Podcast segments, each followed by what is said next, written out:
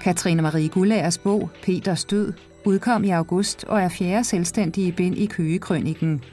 Katrine Marie Gullager kom forbi Hovedbiblioteket den 18. november, hvor hun læste op og fortalte om bogen, som foregår i 1972 i et miljø, hvor hippier og venstreorienterede satte dagsordenen. Der var kvindegrupper, og der var mandegrupper, og der var øh, børneferier og fælles børnepasning og fælles ferier og sågar fælles mad og fælles badning, og der blev øh, diskuteret ikke om revolutionen kom, men hvornår den kom, og hvordan verden skulle se ud, når den var gennemført. Det var øh, en tid, hvor jeg gik øh, i lille skole, og øh, hvor man eksperimenterede på alle mulige måder med øh, parforholdet og med børneopdragelse, og hvor man sådan helt grundlæggende, i hvert fald i den her del af, af Danmark, i det her venstreorienterede miljø, mente, at, øh, at verden skulle øh, laves helt om. Det var noget, øh, vi diskuterede meget, og det var, selvom det var en øh, spændende tid for et barn at vokse op i, så var det også en meget utryg tid, fordi alt jo som sagt skulle laves om.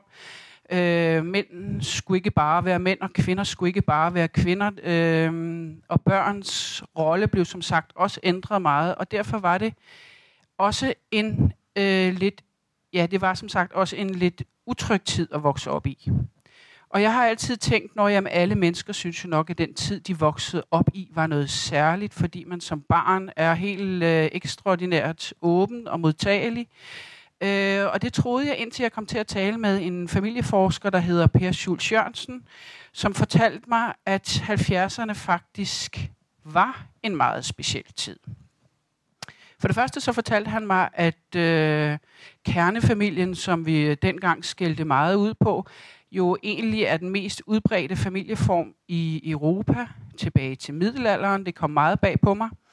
Og så fortalte han også, at kernefamilien i Danmark har undergået to store revolutioner.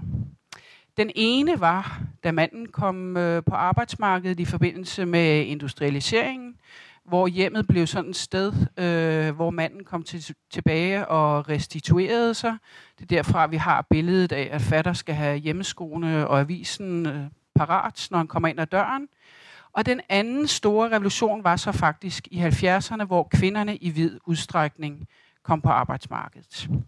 Og alt det her fortæller jeg jer af en grund, som vil åbenbare sig lige om lidt.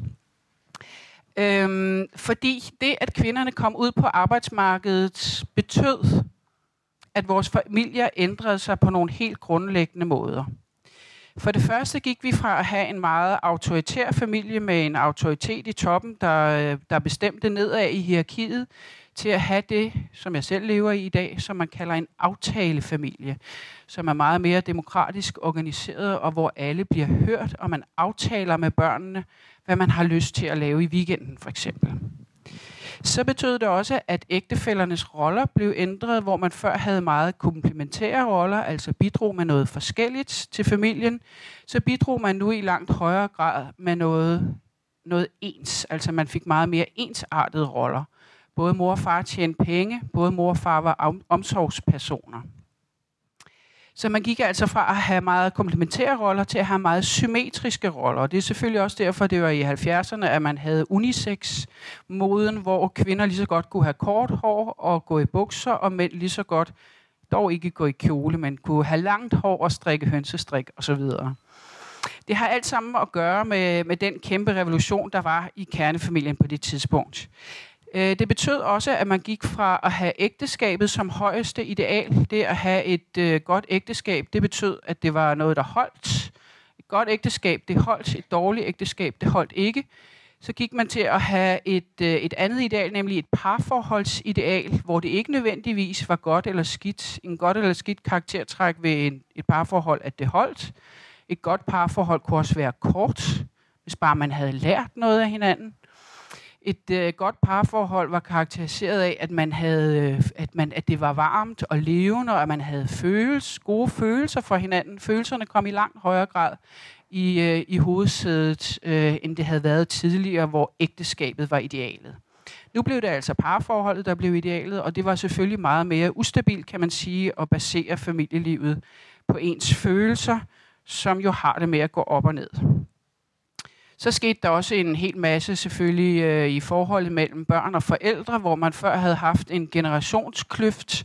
I Michael har fortalt mig, hvordan han var øh, barn i Roskilde og ikke anede, hvad hans forældre lavede, og de anede så til gengæld heller ikke, hvad han lavede så gik man nu til at have sådan en meget indskrænket, altså næsten forsvunden generationskløft, hvor forældrene virkelig lever sig ind i, hvordan børnene har det, og børnene ved utrolig meget om, hvordan forældrene har det, og hvad de går og laver. Jeg er, knap, jeg er helt sikker på, at jeg ikke er den eneste, der har oplevet i 70'erne, at min mor pludselig lagde armen om mig og spurgte, om vi ikke bare skulle være veninder i stedet for. Der var altså en øh, generationskløft der, som forsvandt, og så var der nogle øh, fundamentalt andre øh, øh, roller, der galt i, øh, i kernefamilien. Og det fortæller jeg, fordi det faktisk er en af omdrejningspunkterne i den her min lange serie. Det er derfor, at der er nødt til at være et, øh, et bind her i øh, 50'erne, som jo også er kaldt øh, kernefamiliens guldalder, fra den gang før verden gik at lave.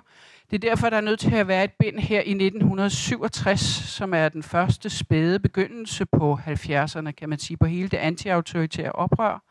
Og det er derfor, der er nødt til at være et bind her i 1972, hvor man i kollektivet eksperimenterer med nye måder at strukturere øh, familien på. Man taler om storfamilien, man taler om at nedbryde ægteskabet og og øh, eksperimentere på en helt anden måde med det, som før var nogenlunde fast og stabilt.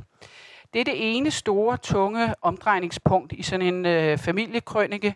Det er det, man kunne kalde den store historie. Og så er der selvfølgelig også den lille historie, den konkrete familie, som bor nede i Køge. Og øh, det begynder meget hårdt med at lægge ud med at lægge en, øh, en øh, alvorlig, øh, tung konflikt mellem to søskende ned i Benet, nemlig mellem Henry og Leonora, som de to hovedpersoner hedder. Og det vil være et øh, omdrejningspunkt op gennem hele øh, serien, den her konflikt øh, mellem Henry og Leonora. Øh, søskende rivalisering. Det startede faktisk øh, med, at øh, Leonora ikke kunne lide hele sin familie, og så øh, fandt jeg ud af, at det blev en alt for omfattende øh, historie at fortælle, og så blev jeg enig med mig selv om, at der skulle være en konflikt mellem, mellem to familiemedlemmer, som, øh, som virkelig kunne trække sådan en roman fremad, og hvad er bedre end øh, søskende rivalisering, Kain og Abel, det er jo simpelthen et godt øh, litterært tema, som der er masser af saft og kraft i. Et andet stort omdrejningspunkt i hele serien, som også løber op gennem... Øh, gennem romanerne. Der står i øvrigt derude, at der kun øh, skal være seks bind. Det vides altså endnu ikke helt med sikkerhed, øh, hvor mange bind der kommer. Men der kommer i hvert fald seks.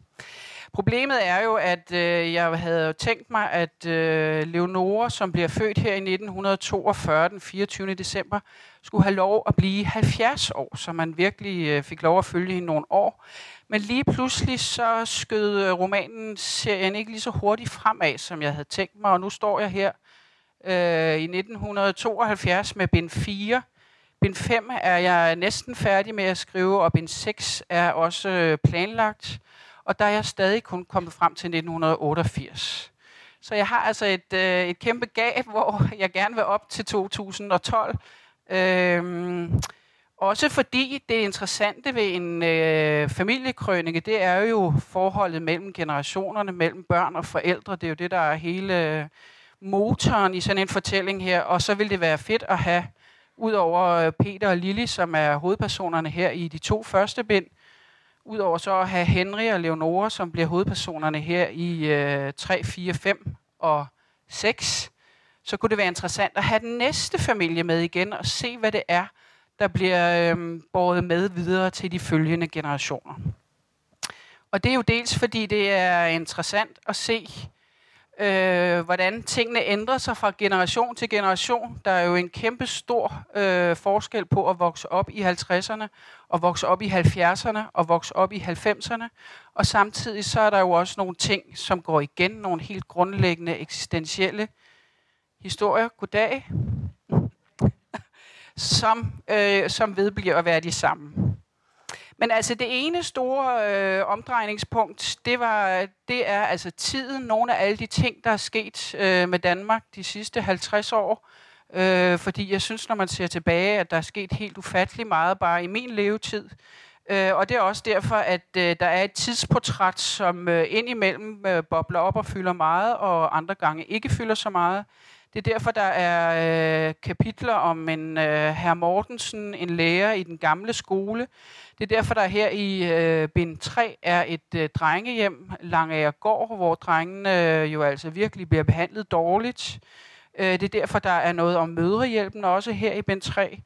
Og det er derfor, jeg prøver sådan at, at få tidsportrættet med også, selvom det altid i en roman vil være i baggrunden. Det bliver aldrig tidsportrættet, der kommer ind og styrer romanen. Det vil altid være romanpersonerne, der er i forgrunden i, øh, i sådan en krønike her.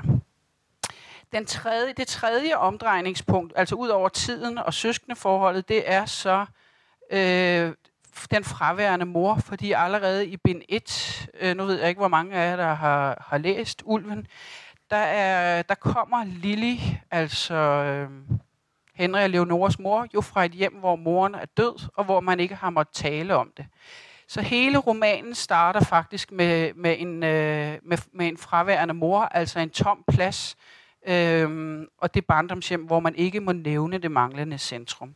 Det betyder selvfølgelig også en hel del for, hvad der kommer til at ske med hendes børn, og hvad der kommer til at ske i generationerne efter. Så det er altså øh, de tre store omdrejningspunkter mindst, der er i den her sådan, øh, krønike. Der er sikkert flere, men øh, nu er det her jo den, den korte, komprimerede version. Og jeg vil gerne starte med at læse fra Ulven, for jeg vil gerne begynde med begyndelsen. Leonora var ikke noget nemt barn. Allerede da hun var ni, erklærede hun over for sin raceubestemmelige gårdhund, at det eneste hun virkelig ønskede sig i denne verden var at slå sin bror ihjel. Denne historie begynder dog længe før Leonora kom på de tanker. Den begynder længe før Leonora overhovedet blev født, hvilket hun var tæt på slet ikke at blive. Historien begynder før hendes familie forvandlede sig til denne kerne af fortrydelse, før hendes mor langsomt, men sikkert forvandlede sig til en ulv. Historien om Leonora begynder en forårsdag i 1938, da hendes far besluttede sig for at bruge hele sin formue og købe et hus i Køge. Så snart han fik udleveret nøglen, erklærede han bramfrit over for ejendomsmaleren, at det nu var på høje tid at finde en kone. På vej ned til sin nye, sit nye hus flørtede han med en bageekspeditrice og en bankdame. Han lettede på hatten og tænkte, at det nok var godt at være lidt rundhåndet i den indledende fase, heller for mange blomster at plukke af, end for få. Han var ikke nogen køn mand. Hele sin ungdom havde han følt sig sikker på, at det ville blive udseendet, der ville blive den største forhindring, når det kom til at finde en kone. Ingen ville nogensinde kunne elske en mand med en næse så stor, at man kunne navigere efter den. Ingen ville nogensinde kunne elske og beundre hans højre øje, der hang så sindssygt ned på kinden og til med løb. Hele sin ungdom havde han tænkt sådan, men det gjorde han ikke mere. Hvis en pige virkelig stirrede sig blind på hans næse og hans hængende øje, så var hun ikke den rette for ham. Og så er det så, at han går en tur på gågaden øh, i Nørregade i Køge og møder Lili, og de bliver forelskede øh, ved første øjekast, hvilket øh, irriterede mig meget, fordi at, øh, jeg havde ikke forestillet mig, at det var sådan, de skulle mødes. Af og til, når man skriver, så gør personerne jo det, at de trækker lidt i en anden retning, end det man lige selv havde tænkt, så man kan mærke, at det er noget andet, der egentlig ser ud til at virke, end det man selv havde planlagt. Sådan er det at skrive. Det er øh, ligesom... Øh, man siger, at i krig er sandheden det første offer. I øh, romanskrivning, der er det øh, ens egne forestillinger om, hvad man nu skal skrive, der er det første offer. Så de mødtes jo altså sådan helt øh, uskyldigt og romantisk og blev forelsket hinanden, og øh, det irriterede mig som sagt så meget, at jeg ville prøve at og ligesom lave nogle forhindringer for dem, fordi jeg synes, at i et ordentligt kærlighedsdrama, der skal også være nogle drager, der skal nedkæmpes, og hvis de rigtig skal træde, træde i karakter som personer, så skal der også være noget modstand. Og der var selvfølgelig modstand fra hendes far. Hun havde, han havde ingen planer om at, at give slip på Lille, og der var, der var modstanden på den måde, at der blev tabt et brev i en rendesten, øh, som en bagersvend så samlede op. Og jeg øh, lavede også den modstand, at jeg lod øh, solen komme hen, øh, værfe nogle skyer væk og komme hen og skinne ordentligt på de her unge forelskede mennesker, så de et øjeblik lige kunne blive rystet ud af forelskelsen og se hinanden mere, øh, hvad kan man sige, realistisk. Så de lige kunne se hinanden uden den der øh, blindhed, man har, når man er forelsket. Men det, men det varede ikke længe, selvom hun så, hvor forfærdelig han egentlig også så ud, og selvom han så, at der var noget svigefuldt ved hende, så blev de ved med at være forelskede, og de blev gift. Året efter, det er faktisk sådan en meget øh, klassisk historie, kan man sige. De mødes i 38, bliver gift i 39, får det første børn i 1940, og det er så Henry. Men på bryllupsnatten, jeg beklager, at det skrætter sådan. På bryllupsnatten sker der det, at der er en ulv, der springer ud af hendes fantasi. Og det lille stykke vil jeg også læse. Før Peter faldt i søvn, tænkte han på den forårsdag et år tidligere, hvor han var gået over torvet og havde tænkt på kvinder som blomster. Nu tænkte han lykkeligt, jeg har plukket min blomst. Lili lå i sin side af sengen og tænkte, det var da ikke så slemt.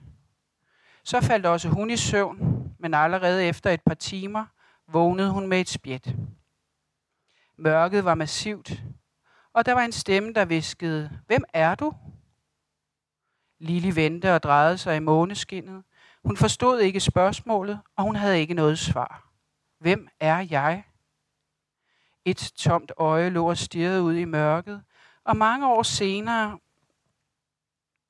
da Lille skulle beskrive, hvad der var sket den nat, sagde hun, at det var den nat, hun lærte angsten at kende. Angsten spredte sig til hele kroppen, og til sidst manifesterede angsten sig som en stor, sulten ulv. I tiden, der kom, blev Lille en, der samlede identitet, som andre under krigen samlede brænde i skoven. Lili faldt over en smule identitet i måden, hun handlede på. En smule identitet i sit valg af fortrolige. Hun fandt identitet i at være husmor, i at bo på Marievej. Under tiden havde hun samlet brænde nok til, at hun kunne lave et lille bål og varme sig selv og sin sjæl ved. Med flammernes genskin i øjnene kunne hun sige, det er netop den person, jeg er. Men der var aldrig særlig meget brænde til hendes bål, og ulven var aldrig særlig langt væk. Selv når hun sad og varmede sig ved sit lille bål, kunne hun høre den luske omkring i skovbrynet. Og der træder ulven altså ind på scenen. Ulven, som bliver ved med at forfølge den her stakkels lille familie i mange generationer endnu. Eller, ja, det gør den faktisk. Øhm, og i, øh, her i bind 2, der, vil, øh, der forlader Lili så Køge for at tage ind til en øh, kunsthandler i Bertelsen, som, øh, som hun har mødt i Køge, og som er taget til København for at glemme hende. Han er blevet øh, meget forelsket i hende. Og så tager hun ind til ham for at komme væk fra Køge, for at komme tættere på det spørgsmål, hun stiller sig selv, øh, hvem er jeg? Og hun tror, at kunsten kan hjælpe hende tættere på, og, på det spørgsmål.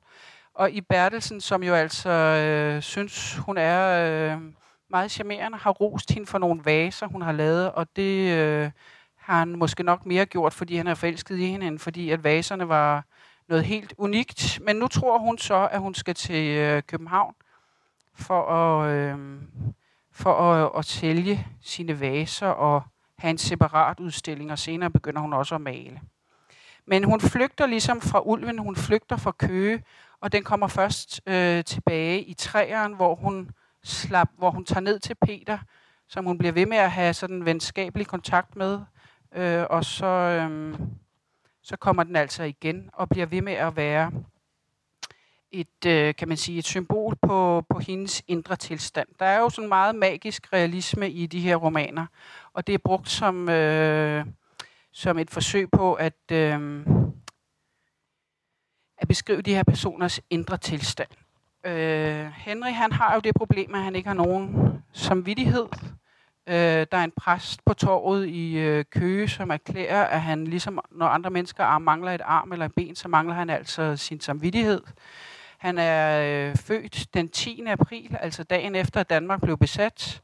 Og øh, krigen ligger hele tiden underliggende i hans bevidsthed. øh, og så meget, at han hører mange historier om krigen fra en fyr, der hedder Spritsøren, og, øh, og krigen bliver ligesom meget virkelig for ham, og soldaterne kommer også ind i barnekammeret til ham. Øh, med med, med øh, Leonora, der er hun sådan mere forbundet med, med ilden. Hun tænder ild til sit øh, barndomshjem her i etteren. Og i bind 3, der tænder hun altså ild til det her drengehjem, Langeær Gård, hvor hun ser, at drengene bliver behandlet på en øh, virkelig ubehagelig måde. Og og gøre noget ved det. Altså Henry, han øh, har måske den tilbøjelighed, at han har svært ved at føle, føle samvittighed. Leonora, hun har øh, den tilbøjelighed, at øh, hun kan ikke øh, håndtere ting, der er uretfærdige. Og hun synes, øh, det hun ser er så uretfærdigt, at hun tænder ild til Langeærgård. Ja, øh, nu er der faktisk allerede gået en halv time, så hvis der er nogen, der har lyst til at spørge om noget, ja. Uh, ja, endelig. Hvis der er nogle spørgsmål, nu har Katrine jo gennemgået de foregående bind. Øhm, så I er meget velkomne til at spørge lidt ind til det. Ellers så går vi videre, øhm, formoder jeg, til Peters død. Ja. Ja. Er der nogle spørgsmål? Ja. I hele første ben. Det var, jamen, Så nu. Ja, det gør jeg nu, ja. ja. Jamen, det var en fejl, øh, da jeg udgav øh, allerførste bind, så øh, hed de øh, Leonoras mor og Leonoras far, og det har jeg siden rettet til, at de øh, nu så hedder øh, Peter og Lili. Og det var fordi, at jeg hele tiden havde tænkt, at Henry og Leonora skulle være hovedpersoner, og så ville jeg gerne have, at de andre ligesom øh, trådte i baggrunden ved at give dem det her sådan pæfære navn. Altså ligesom når man selv var barn, og man var over at lege hos nogen, så var det ikke sikkert, at man ved, vidste, hvad, hvad forældrene hed. Man vidste bare, at det var Sørens mor og far, eller Peters mor og far. Så på samme måde ville jeg gerne have, at Peter og Lili var i baggrunden. Øh, og så, øh, så gav jeg dem de navne der, selvom det blev lidt, øh, lidt klodset nogle gange. Det blev også for klodset. Jeg fik mange klager, når jeg kom ud og, og mødte læsere, fordi det var for klodset at læse. Øh, og så var det også forkert, øh, fordi at, øh, jeg fandt ud af, jeg, var, jeg har jo ikke skrevet så mange romaner før dem her. Sådan. Så jeg havde bare forestillet mig, at hvis jeg besluttede mig for, at Henry og Leonora var hovedpersonerne, så var de også det. Men så gik det op for mig, at det, var, det kunne de slet ikke være, fordi for at man skal være... Øh, kvalificere sig til at være hovedperson, så skal man jo have magt til at ændre handlingen. Man kan ikke, man kan godt være den, hvis, øh, hvor beskrivelserne fylder mest, men hvis det skal være den, der kan gå ind og ændre motoren i romanen, så at sige, så, øh, så skal man øh, have magt til at ændre handlingen, og det har de ikke i de to første bøger her, Henry og Leonora. Der er de børn. Det er forældrene, der beslutter sig for at stifte en familie. Det er forældrene, eller i hvert fald en af dem, der beslutter sig for, at de skal skilles. Øh, og derfor var det øh, meget mere rimeligt, at øh, Henry og Leonora fik, forældre fik deres rigtige navn. Så havde jeg så valgt at kalde dem øh, Leonoras mor og far for at understrege det, det skæve og helt vanvittige i, at, øh, at de var forældre for Leonora og ikke særlig meget for Henry. Henry er jo lidt en vild dreng, der vokser op i det her hjem uden ret meget opmærksomhed og uden øh, ret meget omsorg. Øh, og derfor kan man også spørge, om det er rigtigt, at han ikke har nogen samvittighed. Altså nu siger præsten på torvet godt nok ikke, at han ikke har nogen samvittighed. Er det så, fordi han øh, virkelig ikke har nogen øh, samvittighed og har sådan decideret psykopatiske træk? Eller er det, fordi han aldrig selv har mødt den omsorg, så er det svært for ham også at føle omsorg og empati med andre mennesker. Øhm, så det er fuldstændig rigtigt, at øh, det har jeg lavet om. Det var en fejl. Øh, og jeg vidste heller ikke, altså på det her tidspunkt, da etteren begyndte, der, der, der, der var jeg ikke sikker på, hvordan det hele skulle se ud. Altså det er jo sådan noget, man finder ud af undervejs. Altså jeg ønskede, at jeg skulle skrive noget længere, men jeg var ikke sikker på, at det kunne lade sig gøre, eller hvordan det skulle kunne lade sig gøre. Så Gyldendal, som jeg var på på det tidspunkt, øh, fik jeg til at love, at de måtte ikke sige noget, om der kom en fortsættelse eller ej. Øh, og det skønt, etteren jo egentlig slutter meget øh, bræt og og måske også lidt mærkeligt, hvis der ikke kommer lidt to, en toer, ikke? Øh, så sidenhen, så efterhånden som romanen kommer i gang, så kan man jo også godt se, at etteren, selvom det øh, også er en roman i sig selv, så er det jo også meget en, en forhistorie. Altså det er jo bedsteforældrene, det er hele, hele, hvad kan man sige, familien omkring Henry og Leonora, indtil det så kommer til rigtigt at handle om, om Henry og Leonora. Så, men det var jo også noget, jeg vidste jo, at det skulle være en øh, serie med et meget langt åndedrag, og jeg ville have plads til at fortælle alle de små øh, bihistorier og biting. Øh, og derfor så tænkte jeg, jamen hvornår skal det så begynde? Det skal jo egentlig begynde, øh, altså det skal jo egentlig begynde, før de bliver født, for man bliver jo altid født ind i en familie. Altså, der er jo i virkeligheden så meget, der bliver afgjort øh, allerede med forældrenes møde. Så derfor synes jeg, det var rimeligt, at det begyndte med forældrenes møde, nemlig med, at de plumper ind i hinanden øh, i Nørregade i Køge, og derfor var det jo også rimeligt nok, at de også havde deres historie, altså at deres forældre også skulle med. Sådan er det, når man fortæller en øh, familiehistorie, så må, man, så må man lidt tilbage for at få det hele med. Men hvorfor egentlig Køge? Men hvorfor Køge, ja? Øh, jamen det er fordi, at Køge er sådan en, en god dansk købstad med øh, en havn og en gågade og et torv og en kirke på torvet. Og så er Køge jo en meget smuk by. Der er mange, mange, mange smukke, flotte gamle huse inde i øh, centrum. Og, øh, jamen det er, men det er mest øh, taget som en ramme. Altså det kunne have været hvilken som helst anden øh, dansk købstad, provinsby. Jeg havde på et tidspunkt forestillet mig, at jeg skulle tale lidt, eller skrive lidt tættere op af, af Køs øh, historie, og kom også meget nede på lokalarkivet i Vestergade, øh, og satte mig lidt ind i øh, fodboldholdet og gummifabrikken og øh, Vagnbro og alle de der ting, som Køge er kendt for. Men så gik det hurtigt op for mig, fordi at jeg så fik øh, lederen af lokalarkivet til at læse mine romaner igennem for at se, om jeg lavede fejl. Så gik det op for mig, at at, øh, at det spærrede egentlig for meget, fordi hun kunne for eksempel finde på at sige, at hvis det var præsten øh, på torvet på det tidspunkt, så ved jeg godt, hvem det var. Øh, og hvis det var en, hvis der var, jeg havde også på et tidspunkt en voldtægtsscene, som jeg dog senere klippede ud, hvor der var en politimand, øh, der forhørte øh, det stakkels offer øh, for voldtægten, og så, så kunne jeg også godt øh, mærke, at så ville alle forbinde det med, at så var det Vagnbro. Og så øh, på den måde, så følte jeg ligesom, at, øh, at virkeligheden kom lidt for tæt på min historie. Jeg synes jo, man skal være helt fri i en øh, fiktiv historie. Øh, så derfor så blev det mere og mere bare øh, rammen. Og så har de et rigtig godt bibliotek. de har et rigtig godt bibliotek i Køge, ja. Hvis der ikke er flere spørgsmål, så vil jeg lige starte med at læse lidt fra Lille Hjerte faktisk, før vi går frem til øh, Peters død. Og det er der, hvor, øhm, hvor Lille kommer ind til København og banker på hos i Bertelsen. Han har så opgivet nogensinde at skulle se hende igen, og øh, har en, instrueret sin tjenestepige i at afvise hende øh, hver eneste gang, hun kommer. Han vil ikke øh, en gang til øh, være ulykkelig forelsket i hende. Men Lille bliver altså ved med at komme og ringe på. Den dag Lille havde ringet på, for det hun havde troet var sidste gang, havde I Bertelsen siddet med sin store, knoglede krop i en af sine foretrukne stole. Tjenestepigen havde, som de andre gange, sagt, at I Bertelsen desværre ikke var hjemme, og I Bertelsen, som også havde lyttet til hendes tidligere afvisninger, sad helt stille og håbede på, at det snart var overstået så eftertrykkeligt havde han overbevist sig selv om, at Lili var et mærkeligt afhængighedsskabende narkotikum, han blot skulle afvendes fra. Så sikker var han på, at enhver kontakt med Lili ville føre ham ned af fortabelsens ulykkelige veje, at han slet ikke havde lagt mærke til, at hun blev ved med at komme tilbage, at hendes stemme for hver gang blev mere inderlig, mere desperat. Så umuligt, tungt og kantet var det at flytte Lili ud af den lille bevidsthedskasse, som hele hendes eksistens og person lå nede i med en domfældelse klippet hen over, at I Bertelsen for længst havde hørt hende gå, da det gik op for ham, at han var ved at begå sin livs fejltagelse.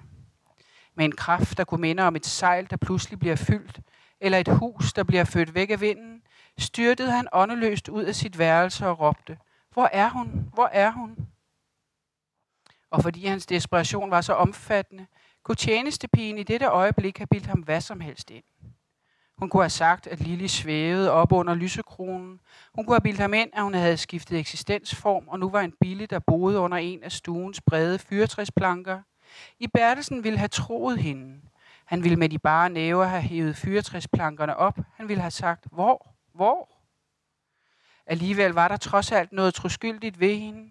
Noget, der gjorde, at hun valgte at lade sin sløve, sin krogede, dumme og fuldstændig ignorante pegefinger pege lige i retning af døren, og mere behøvede i Bertelsen ikke, før han faldt, væltede, løb og gled ned ad trapperne og ned på gaden, hvor han resolut skærmede sine øjne med en kantet, knoglet hånd, som var han en opdagelsesrejsende i en sump af intet.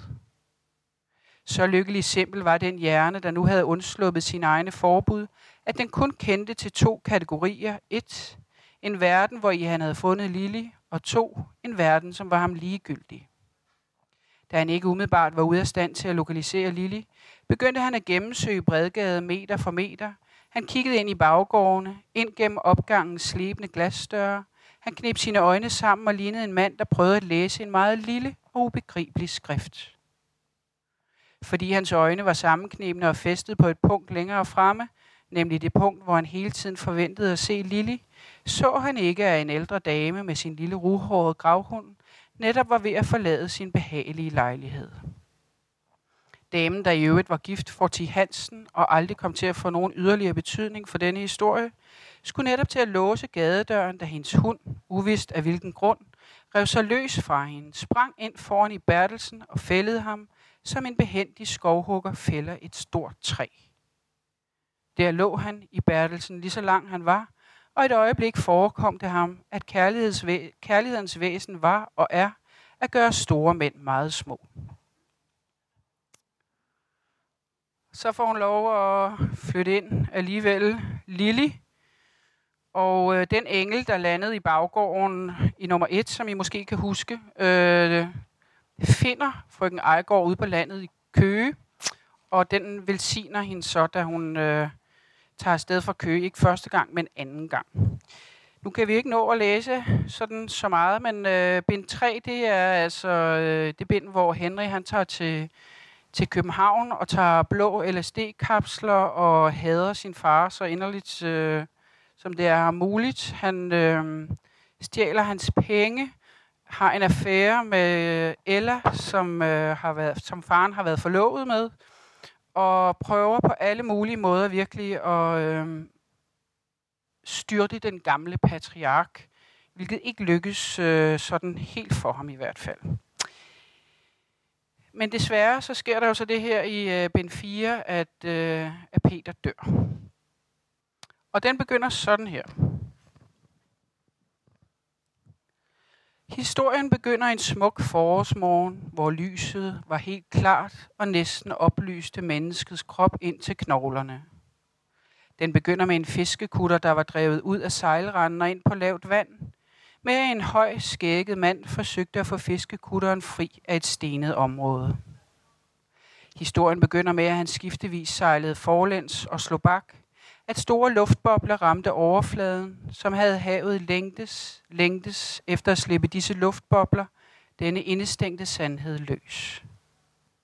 Historien begynder i en tid, hvor de indestængte sandheder ramte overfladen, hvor kvinder og børn forlangte at blive behandlet bedre, hvor arbejderne efter at have sikret sig selv som klasse, nu også forlangte at blive anerkendt og forstået som individer.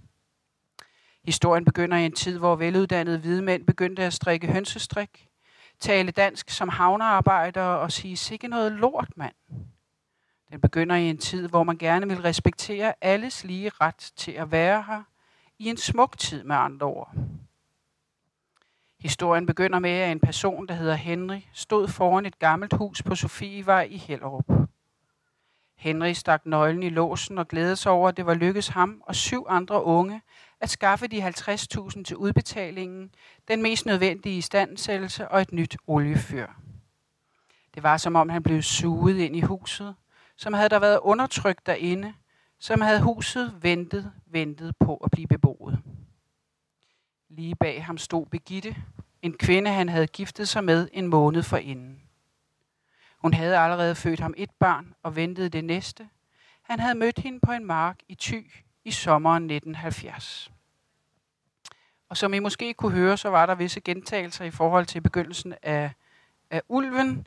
Han bliver suget ind i huset, og der var undertryk øh, i huset osv. Og det var det, jeg nævnte med, at at det jo øh, for det første er utrolig afgørende for, hvilket liv man får, hvilken tid man er født i. Og samtidig så er der jo også nogle eksistentielle, klassiske fortællinger, som går igen generation efter generation. Og en af dem er, mand øh, stifter hus og hjem. Og det er den historie, der begynder i etteren og også her i firen. Og hvis det skulle gå sådan, at jeg kommer frem til syveren, så bliver det jo så formentlig Henrys søn, der må gå ind over stuegulvet på den måde. Men Peter dør, og det er en sørgelig, sørgelig ting. Det virkede pludseligt uretfærdigt, at Peter skulle dø, mens han stadig var i 50'erne, men faktisk var døden flyttet ind i hans hjerte, allerede året efter, at Lili var flyttet til København. Helt siden dengang havde han længtes efter hende, længtes så meget efter hende, at han havde straks sig ud efter det mindste håb, den mindste antydning i hendes stemme, som en plante mod solen, og til sidst havde han straks sig så langt han kunne, stænglen knækkede.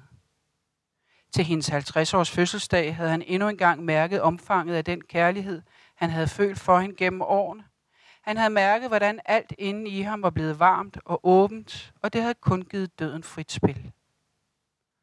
Det var Leonora, der fandt ham. Hun var gået ned til Marievej for at hjælpe Peter med husholdningen. Hun ventede at finde ham i stuen og var derfor overrasket over at finde ham liggende på sengen til syneladende sovende. Forsigtigt lagde hun en hånd på hans arm og mærkede, at han var kold. Hun kiggede ind i sin fars døde øjne og var sikker på, at flere af møblerne i soveværelset rystede en smule. Hun var sikker på, at den orden, vi til daglig tager for givet, var ophørt. Hendes første indskydelse var at ringe til Claus, men så kom hun i tanke om, at han var til møde i Ejby. Igen kiggede hun på sin far, satte sig ned ved siden af hans seng. Hun ville græde, men hun kunne ikke. Hun vidste endnu ikke, hvad der var sket. Var verden ved at styrte sammen? Skulle hun også selv dø nu? Var dette det sidste chok, eller det første? Da rystelserne var aftaget, fik hendes hjerne overbevist hende om, at der var sket en fejl. En eller anden fejl gjorde, at verden var stanset. Hun holdt vejret. Han havde sagt det så mange gange. Dig og mig, lille hjerte. Leonora satte sig på sengekanten, tvang sig til at trække vejret dybt, mens hun ventede på, at Peter ville vågne igen, at hun kunne grine lidt af det hele, men ingenting skete.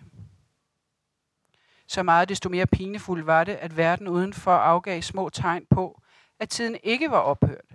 At verden, uanset Peters død, fortsatte sin fuldstændige slingrende rotation gennem verdensrummet, sin meningsløse drejen rundt om solen, sit uoverskuelige kaos af liv og død og ødelæggelse. Leonora sad på sengekanten og havde de små frygtelige tegn på, at verden satte i gang igen. Lydene kom tilbage. En nabo smækkede med døren. Hun kunne høre stemmer nede fra vejen. Verden både fortsatte og stansede. Den størknede, og sorgen var meget mere, end hun kunne rumme. Meget mere, end hendes sjæl kunne rumme. Og derfor vil det ikke være forkert at sige, at den døde mand i sengen, betydningen af den døde mand i sengen, sprængte hendes sjæl i stykker på samme måde, som en enkelt kendskærning kan ødelægge en hel verdens forståelse, et sprog, en erindring.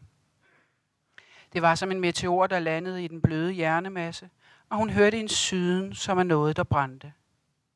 Hun hørte en lille kalde, pige kalde på sin far. Hvad skal jeg gøre nu, spurgte hun ham, for hun havde altid spurgt ham til råds, også selvom hun for længst var voksen. Og fordi den døde mand i sengen ikke svarede, faldt den lille pige tilbage, gemte sig bag en dør, ude af stand til at græde, brændende, ude af stand til at forstå døden og tiltale den og Peter og sige, jeg kender dig. Jeg er en person, der er levende, du er en anden person, der er død. Og fordi denne lille pige i rødprikket kjole var så umulig for Leonora at omfatte, fordi døden var så umulig at omfatte, kom hun i mange år til at leve med denne sprængte sjæl, og derfor trak sorgen ud og ud, og derfor sagde folk, jamen er du ikke kommet over det endnu? Folk var velmenende. Folk havde selv prøvet at miste fædre og mødre og ægtefæller og brødre og søstre og naboer og kaniner. Folk var bekymrede, og alligevel sad pigen i den rødprikkede kjole stadig bag døren. Måske døde hun også selv. Måske støvede hendes øjenvipper. Måske var kjolen ved at gå i oplysning. Under alle omstændigheder var Leonora ude af stand til at forbinde sig selv med sorgen, der som bekendt kan opføre sig på mindst to måder. Enten er den hård som flint, eller også er den rummelig og blød og sval sorgen. En af menneskenes muligheder for at møde hinanden på tværs af grænser, liv og sprog. Og hvorfor? Fordi sorgen i virkeligheden er den lim, der holder denne gamle, trætte verden sammen. Fordi vi alle skal miste dem, vi elsker. Fordi vi alle skal miste vores forældre og vores børn.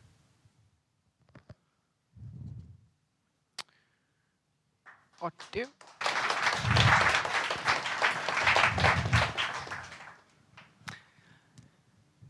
Ja. Jeg har faktisk lyst til at spørge, om, øh, om vi her ser et eksempel på den sultne ulv, der går igen. Altså her i Leonoras øh, manglende evne til at, at komme sig over øh, hendes fars død. Eller kan du uddybe lidt? For jeg sidder og spekuleret lidt på, hvordan den her sultne ulv... Øh, du sagde noget om, at det var øh, moren som det manglende centrum. Altså, hvordan er det, den her søgen efter jaret? Eller der er en søgen her. Kan, kan du uddybe det lidt? Ja, det kan jeg sagtens. Altså, ulven, den springer jo ud af hendes fantasi på bryllupsnatten. Simpelthen fordi hun ikke ved, hvem hun selv er. Og det kan man sige, det er jo et ret fatalt tidspunkt ikke at vide, hvem man selv er, netop når man indgår et ægteskab og skal til at stifte øh, en familie. Øh, og der bliver ulven jo det, der springer ud af den angst. Altså, der er jo også mange ulve i litteraturhistorien, og man kan jo vælge mange. Det mest fjollede, jeg har hørt en foreslå, var, at det skulle være ulven, øh, den lille rødhætte og ulven.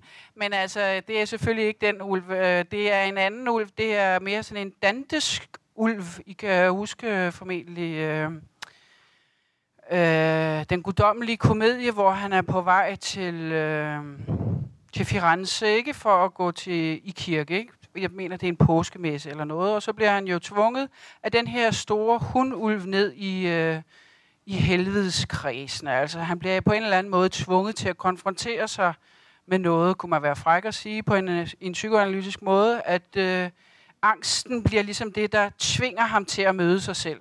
Og det er også sådan en ulv, jeg har tænkt på her, at det er en, en ulv, der vokser ud af, at hun ikke kender sig selv. Altså angst springer jo tit ud af, at man ikke kender sig selv, at man er bange for det ukendte i sig selv. Og øh, der kunne man jo så håbe, eller der tror hun, at hun kan komme tættere på, på det øh, problem ved at male, altså ved at udtrykke sig kunstnerisk, at hun kan, øh, kan forstå ulven bedre. Men ulven bliver faktisk ved med at angribe hende, og især når hun maler, så det er måske ikke den rigtige øh, strategi, hun har valgt der. Øh, og efterhånden... Øh, men nu vil jeg jo ikke afsløre for meget, men det er meningen, at hun efterhånden skal komme overens med den her ulv, at den skal blive en mindre farlig kraft, at den også skal blive en positiv kraft for hende. Øh, fordi man kan jo også tale om ulven som et, øh, et kraftdyr, altså i sådan indiansk øh, shamanisme og sådan noget, der er ulven jo noget positivt. Der er det jo et, øh, et kraftdyr, en energi, man skal lære at beherske.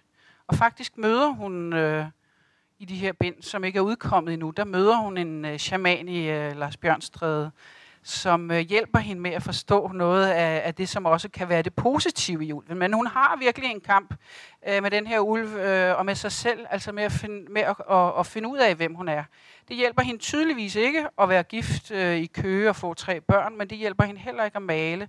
Øh, så det må være noget andet, der skal til, for at hun ligesom kan... øh, kan komme lidt videre med den ulv. Desværre, kan man sige, er det jo så desværre også sådan tit i familier, at når forældrene så har fundet ud af at komme overens med nogle af deres problemer, så er det jo på en måde for sent, for så er de jo allerede gået i arv. Så måske øh, lever ulven videre i hendes børn. Måske bliver den forvandlet til noget positivt. Den bliver i hvert fald i et vist omfang øh, noget, hun øh, altså kommer overens med i øh, bind 6, forestiller mig det omkring men et utroligt stærkt stykke, du læste op der. Tak. Tak. Øhm, du taler om, hvordan at, at øh, du ligesom har en plan for, for, din, for din bog, ikke? Men nogle gange så romanerne, de, eller hvad hedder sådan noget, karaktererne går ligesom selv og ændrer lidt på det. Øh, var der nogle ting, som du havde planlagt i forhold til Peters død, som, som ikke kom til at ske, fordi at, at, at karakteren ligesom udviklede sig på en anden måde, eller historien udviklede sig på en anden måde? Jamen, jeg har faktisk, øh, jeg har faktisk holdt op i det store hele med at skrive øh, regulære planer, fordi at, øh, jeg er helt sikker på, altså, eller hvis jeg skriver dem, så er det simpelthen bare for at få dem ud af, af hånden, kan man sige, for at få dem ud af, af, af fingrene, ikke? Så jeg ikke, altså tit når man skriver en plan, så kommer man også til at skrive den meget indlysende plan, så det kan være meget godt at skrive den ned, øh, og så vide, at det kommer selvfølgelig ikke til at ske. Øh, så, men det er en underlig øh, dobbeltbevægelse, at man øh, er nødt til at skrive romanerne for at lære personerne at kende, øh, så faktisk er det først, når man er færdig med at skrive romanerne, at man egentlig kender personerne godt nok til at begynde på side 1. Altså det er sådan en underlig dobbeltting ved at skrive, at man øh, er nødt til at gå i gang, øh, og samtidig så øh, finder man kun undervejs ud af de ting, som man burde vide fra starten af. Og det er jo især et problem, kan man sige, når man har en, en alvidende fortæller, som foregiver, at der er en plan med det hele, altså som laver de her flash forwards, som siger for eksempel, øh, mange år senere skulle hun tænke sådan og sådan, eller mange år senere skulle det fotografi gå øh, tabt i en sommerhusbrand i 1980. Mange år senere skulle frøken Mørke begynde at gå til yoga. Altså, jeg har jo en fortæller, der foregiver, at der er en totalt samlet plan. Øh, men det er der ikke. Altså, jeg er nødt til at at være det sted i teksten, hvor jeg er kommet til. Jeg kan ikke... Øh, men, men omvendt er jeg selvfølgelig også nødt til at træffe nogle beslutninger øh, undervejs. Øh, og en af de ting, jeg har besluttet for eksempel, er, at Henry han kommer ikke til at gå sådan helt over gevind og blive øh, totalt øh, psykopatisk. Altså, det, kunne han, det kunne være en mulig øh, vej for ham, jo ikke, når nu han øh, har øh, problemer med at mærke samvittighed øh, så har jeg altså besluttet mig for at redde ham lidt i landen øh, hos de levende. Så på den måde træffer jeg selvfølgelig nogle, øh, nogle beslutninger undervejs. Men jeg, jeg synes ikke, det er godt med for mange forestillinger om, hvad der skal ske, fordi det kommer til at spærre for det sted, hvor, hvor teksten er levende, og hvor man selv synes, det er spændende. Altså, jeg kan jo ikke, øh, jeg skal jo selv synes, jeg skal jo selv være lige der, hvor teksten er. Hvis jeg er for langt fremme og har for mange intellektuelle forestillinger, så, hov, så øh, kommer jeg til at, du ved, da, da, da, da, da, da, så bliver det ikke lige så nærværende, som det ellers ville gøre. Så øh, man skal ikke være for langt væk fra det, og man skal heller ikke være alt for tæt på. Så skriver jeg selvfølgelig ned, hvad jeg har lavet af de her flash forwards, fordi øh, ellers så kunne jeg komme til at lave fejl, og det har jeg også været, kom, øh, været tæt på. For eksempel så synes jeg her, i den her Frøken Lys og Frøken Mørke efterhånden havde udspillet deres rolle, og skrev, og så døde de, og bum, så var vi af med dem. Indtil jeg kom i tanke om, at jeg faktisk havde lovet, at frøken Mørke skulle gå til yoga i 1980.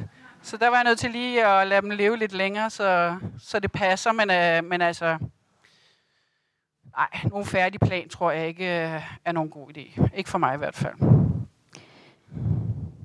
Apropos det fortælletekniske, nu har vi jo også, vi er så heldige at have en gymnasieklasse her i aften. Det er vi meget glade for. Øhm, skulle jeg godt tænke mig at høre lidt om, om den fortællerstemme, som du også er blevet meget berømmet for af anmelderne. En meget stærk stemme, der ligesom bryder ind i historien og, og sådan meget håndfast ja, har nogle mening, eller ja, griber ind.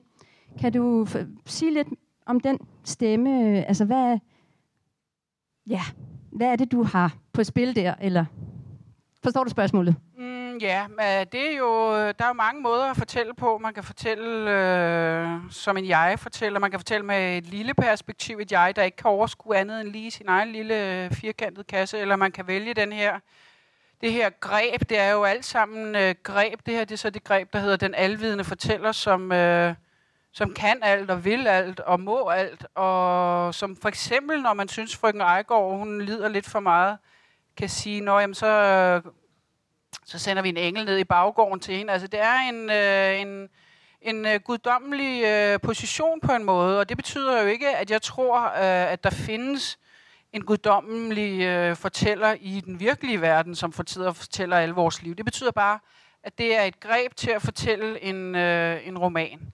Og når jeg godt kan lide det, så er det fordi, jeg kan godt lide en fortæller, der tager mig i hånden og vil fortælle mig en historie, og så skal jeg nok selv afgøre, når jeg synes, den fortæller måske går lidt over gevind, eller jeg er uenig med den fortæller. Jeg kan bedre lide en, øh, en eksplicit fortæller, end en, hvor jeg føler, jeg skal sidde og være detektiv og tænke, nå, jamen, øh, har hun ikke glemt, at hun sagde det før, eller hvad er meningen med det, eller du ved, det er også lidt et temperamentsspørgsmål, hvilken type fortæller man godt kan lide. Og jeg kan godt lide sådan en, der ligesom, der ligesom øh, er meget synlig i sin position. Altså, fordi der er jo altid en fortæller, så det er bare et spørgsmål, om man er synlig eller usynlig. Og det her, det er en meget synlig fortæller som, øh, som, altså, som øh, stiller sig an som om, at øh, hun har en samlet verdensbillede og en samlet idé, øh, og det har hun også.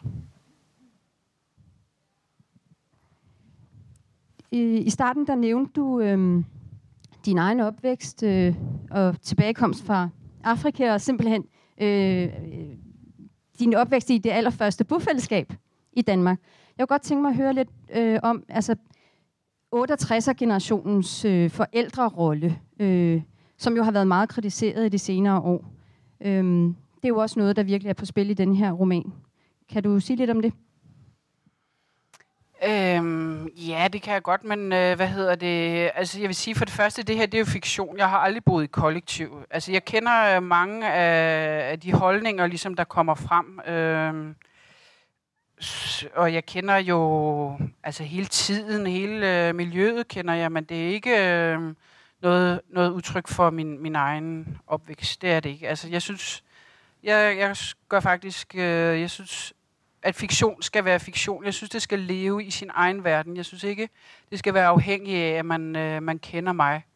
Og det er jo rigtigt nok, at jeg har øh, er vokset op i sådan meget 70'er miljø, og og det kan man øh, sagtens kritisere på nogle måder. Det kan man helt sikkert. På andre måder har det været øh, virkelig godt. Øh, vi havde 70'erne i Danmark, kan man sige. Vi havde hele det anti-autoritære oprør. Øh, så det kan man både sige for og imod, men altså, det er ikke noget, man direkte kan aflæse i, øh, i de her sådan, romaner. Ja? Er der flere spørgsmål? Øh, jeg er meget glad for, at du siger, at fiktion er fiktion, og at øh, Køge ikke er nødvendigvis af dig. Men jeg kunne godt tænke mig at spørge, hvor tit bliver du så kontaktet af dine læsere, eksempelvis øh, skoleelever, eksempelvis øh, elever for ungdomsuddannelserne og videre forløb, der godt vil have en fortolkning af dine tekster. Og spørg om, i hvilket humør var du, da du for eksempel skrev Nørre Port og ankomst i Husumgade osv. osv. Og hvis du vil offentliggøre det selvfølgelig. Og hvad kunne et svar fra din side så være i skivet tilfælde? Hvilket humør jeg var i. Ja, for eksempel. Ja. For eksempel, ja. Ej, men altså, det, øh, der, jeg er jo stadig meget ude på, på gymnasierne og både læst digte og, øhm, og noveller og så videre. Og, øh, det er jo fuldstændig lige meget, hvad humør forfatteren måtte have været i, eller hvad forfatteren har tænkt på. Man skal jo øh, prøve at anskue det som, som tekst, hvad der står. Øh, og man må også regne med, at det, der står, det er noget, der kan afregnes. Hvorfor er, hvorfor er der langskaftede støvler og ikke gummisko? Hvorfor er der roser og ikke bregner? Altså alting skal jo kunne afregnes i en tekst, synes jeg. Det, skal, det er jo ikke så interessant, hvad forfatteren, øh, hvilket humør forfatteren har været i. Så øh, hvis jeg får den slags spørgsmål, så tror jeg ikke, jeg svarer på dem nej. Øv. ja. Hvad med nogle af jer andre, som øh, vel sagtens også har nogle erfaringer fra, fra den her periode, som, som der gives et tidsportræt af? Er der nogle betragtninger? Øh, nogle Ja. Nu siger du, at, øh, at øh, din fortæller ved alt, og ved, hvor du skal gå hen af. Og øh, altså, hvordan forholder du dig selv til hende? Eller hvad, hvad ham, eller det, den? Fordi øh, du er jo på et eller andet tidspunkt, du er jo længere fremme, eller er du, eller du er ikke så langt fremme. Altså, der må være et eller andet slip imellem jer. For, ja, forstår du, det, hvad jeg siger? Ja, du, du mener, øh, hvor er jeg i forhold til den alvidende fortæller? Ja. Der er jeg formentlig lidt foran. Ja, det er rigtigt nok. Altså, som sagt, det er rigtigt nok. Jeg er jo nødt til at træffe nogle beslutninger nogle ja. gange. Jeg er nødt til at beslutte mig for, går det helt grundlæggende den her vej for den person, eller går det helt grundlæggende den her vej for den person? Men det er noget, jeg, jeg beslutter undervejs. Øh, Altså, øh, og hvad jeg synes om dem også, det er jo noget, jeg også prøver. Og når man har sådan en lang serie, så er det en af fordelene er jo, at man kan komme rigtig meget rundt om et menneske. Man behøver ikke kun at tildele dem den rolle, som de nu lige skal, skal udfylde i forhold til den her bestemte historie. Altså, jeg, øh, noget, nogle af de store oplevelser, jeg selv har haft med litteratur, har været for eksempel det der med, at der er en øh, romanperson, som man virkelig synes er usympatisk. Og så oplever man pludselig, at han eller hun gør noget, som man egentlig har stor sympati for. Altså det der med, at man bliver, bliver snydt, og pludselig kan finde noget sympatisk ved nogen, som ellers er usympatisk, eller omvendt, hende, som man lige havde regnet for helten, egentlig gør noget, som man ikke synes øh, var det helt rigtige. Og det er lidt det, jeg håber også med den her lange historie, at man kan komme så meget rundt om personerne, at øh, de både er gode og dårlige. Og det er jo også derfor, jeg hele tiden skal have frygten lys og mørke, døde eller levende, eller om de nu skal være altså virkelige eller kun i deres hoveder.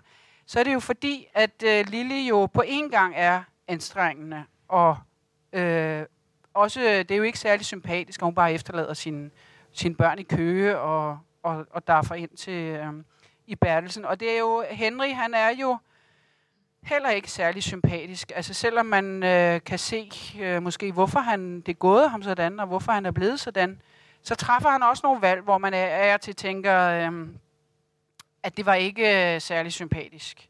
Og lige sådan med Leonore. Omvendt med Peter, synes man i starten måske, øh, at han... Øh, han træder ikke rigtig i karakter, men han træder så lidt i karakter, synes jeg, i forbindelse med, med Lillis øh, fødselsdag, hvor han jo afslører, at han faktisk er den, der holder sammen på familien også, selvom han også er den her gammeldags patriark, som ikke ved, hvordan han skal snakke med sine børn. Så jeg håber, at jeg også kan komme rundt om personerne. Det vil næsten være fornemt, hvis det bare var, om hende Lili, hun er også bare egoistisk og tænker kun på sig selv. Altså Lili har jo øh, gode grunde til at ville finde sig selv. Hvis man er vokset op i sit hjem, hvor man har mistet sin mor og aldrig har måttet tale øh, om hende, så har man kan man sige, gode grunde til at, at skulle have en alvorlig samtale med sig selv. Ikke? Øh, og, og, da, og lige sådan med Henry, han har også gode grunde til at være sådan, som han er. Altså, og så øh, nu har jeg så besluttet mig for, at der var en dame, der kom op øh, til et foredrag, hvor jeg var ude og fortælle om Henry allerede her i bind 1, og sagde sådan og viskede til mig sådan lidt bekymret, om jeg nu ikke kunne passe godt på Henry. For hun synes, altså det var, det var lidt for hårdt, det jeg havde, det jeg havde sat ham i sigte der, eller stillet ham i udsigt der. Så øh, der har jeg, hende har jeg tænkt meget på her nu her i 5'eren og 6'eren, hvor jeg har skulle beslutte mig lidt for, hvad der, hvad der kommer til at ske øh, med ham. Øh, så jeg prøver sådan at, at komme rundt af personerne, så, så sandheden om dem ikke er alt for entydig.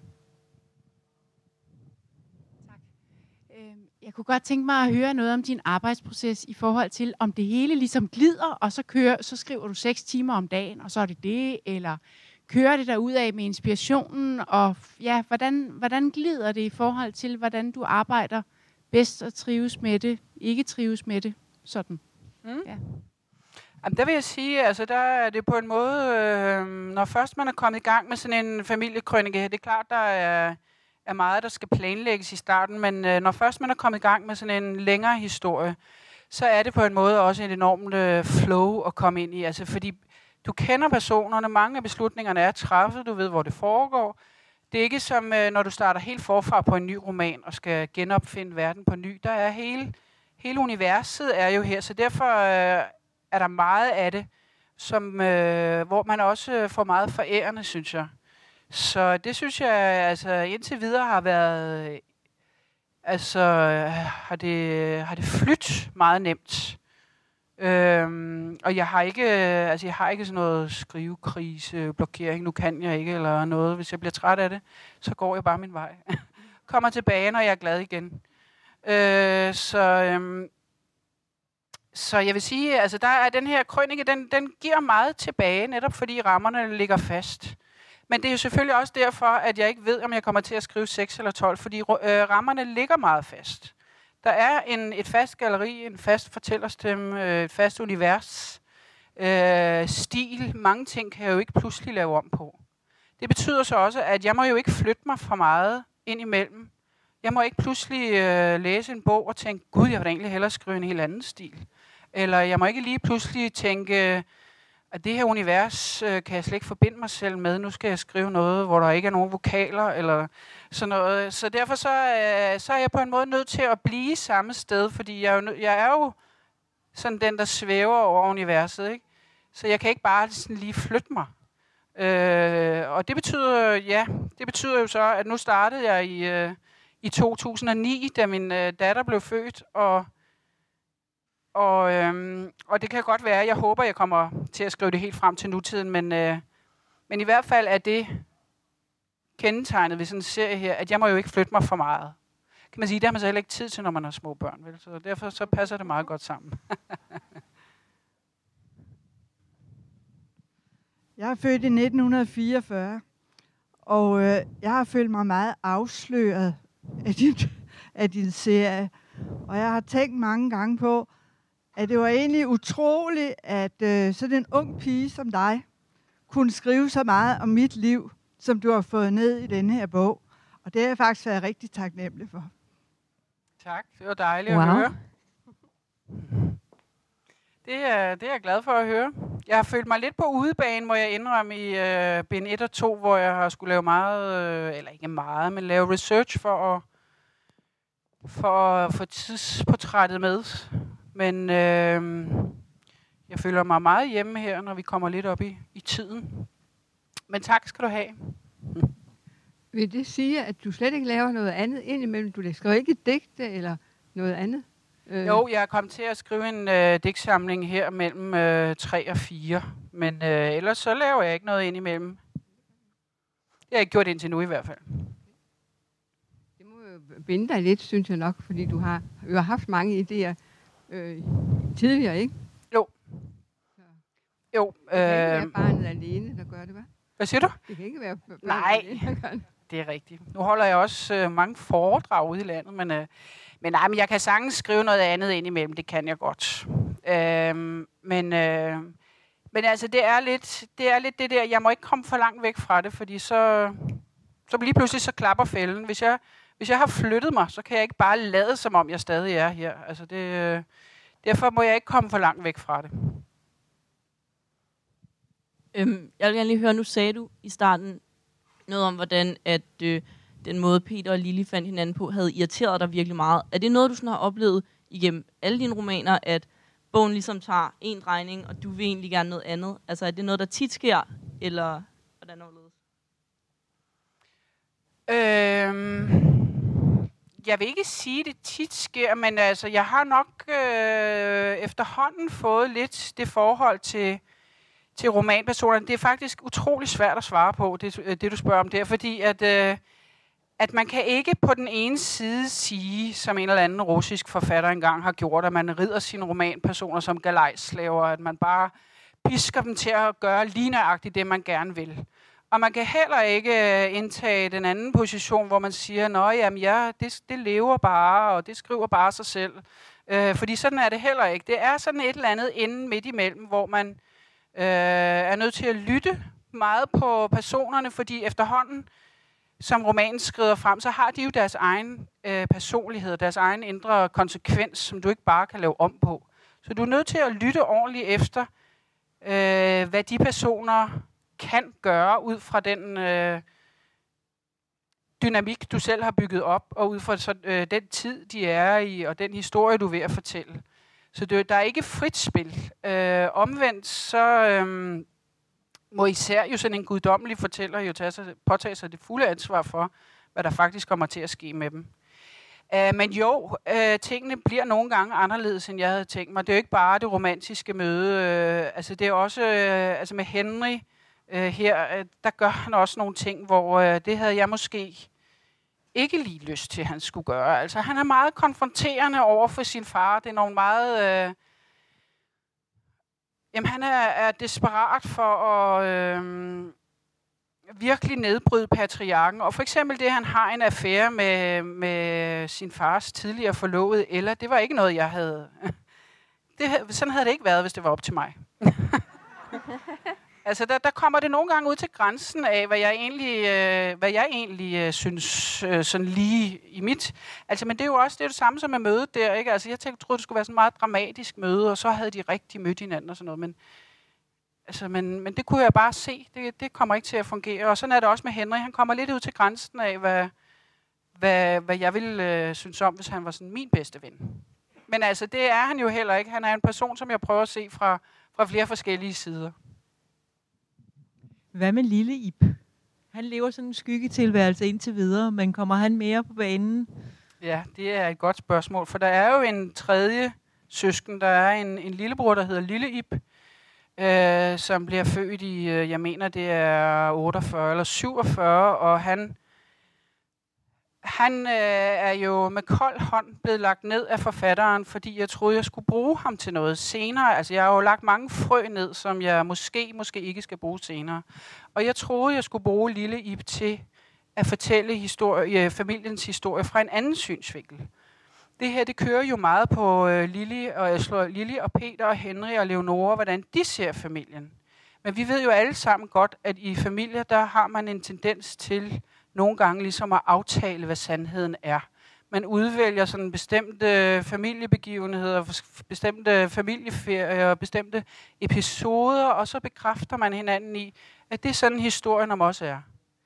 Men nogle gange, så kunne man jo sagtens forestille sig, at der var en tredje søsken for eksempel, som egentlig havde set noget helt andet, som egentlig havde en anden sandhed, som egentlig synes, det var forkert, den historie, som blev fortalt. Og det var det, jeg havde forestillet mig, at lille Ib, han skulle, øh, han skulle være. Han skulle være den, der øh, ligesom betvivlede de andres øh, sandhed om, øh, om familien. Og så havde jeg også forestillet mig, at han skulle være... Øh, det, det er sådan noget, man har i amerikanske serier. Så har man sådan en newbie, tror jeg nok, det kalder. Man kalder det en ny en på kontoret, som gør, at nye øh, seere de ligesom kan følge med. Så kommer den nye ind på kontoret og går rundt og møder alle de ansatte. Sådan, så nye seere de kan følge med og ligesom få en lille øh, reintroduktion til, hvem der er hvem. Ikke? Og der havde jeg forestillet mig, at øh, lille Ibe også måske engang kunne være sådan en øh, newbie på kontoret, så kunne han tage rundt og, og møde familien og, og ligesom genintroducere dem alle sammen. Og også have sin egen sandhed. Men altså indtil nu har der bare ikke været plads til ham. Så jeg ved ikke, om han... Øh, stille og roligt forsvinder helt ud, eller om han øh, virkelig kommer igen det, en dag og, og, og gør det, som jeg havde tænkt mig, han skulle gøre. Tiden iler desværre. Øhm, jeg håber lidt på, at vi kan lokke dig til at læse øh, en afsluttende passage, og så vil der være øh, signering af bøger efterfølgende. Mm, jamen, nu er døden jo lidt hårdt at slutte på, synes jeg nok. Nå ja, da Henrik kommer hjem så øh, fra begravelsen, der står kollektivet og venter på ham. Da Henrik kom hjem, stod hele kollektivet på trappen og tog imod ham, gav ham et stort fællesknus, som man kaldte det. Måske kunne det menneskelige fællesskab ikke ligefrem udviske dødens realitet, men man kunne støtte hinanden, varme hinandens udsatte kroppe. Gruppen dunkede Henrik i ryggen, og man sagde henholdsvis trist og medfølende, pokkers os mand, vi har tænkt på dig. Hansi sagde, i det nye samfund afløser vi sgu døden mand, så noget lort. Tak fordi I vil komme. Månedens bog, podcastrækken, bliver produceret af Københavns Biblioteker. På www.bibliotek.kk.dk-lyd kan du finde flere episoder med foredrag af andre forfattere, for eksempel Majsa Aimobut, Harald Wotman og Tejs Ørntoft.